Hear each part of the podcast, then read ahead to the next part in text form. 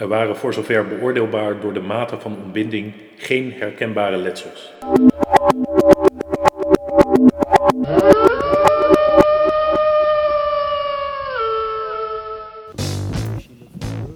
Als de deur met het rookgetinte ruitje opengaat, ruikt de hele stoep naar stofzuiger. De man in de deuropening heeft zijn lange haar en een staartje, maar als je bovenop zijn hoofd kijkt, zou je niet zeggen dat al dat haar echt daar vandaan komt. Is lang, dun en vooral oud. De man die dus helemaal niet dood achter dat gordijn ligt, maar gewoon hier in Breda Prinsenbeek in de deuropening staat en naar achteren stapt om ons erin te laten.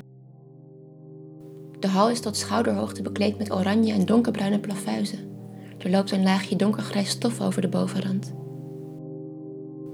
We volgen hem naar de woonkamer, waar bruin tapijt ligt en de televisie iets laat zien over de diepzee, waardoor de hele ruimte een blauwe capsule lijkt.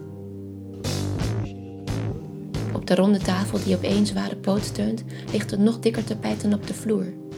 Een stalen asbak en een liter fles currysaus laten daar ronde afdrukken in achter. De televisie gaat niet uit nu wij er zijn. En het ruikt hier binnen naar die lichtbruine droppoppetjes die elkaars hand vasthouden. Het ruikt ook nog steeds naar stofzuiger.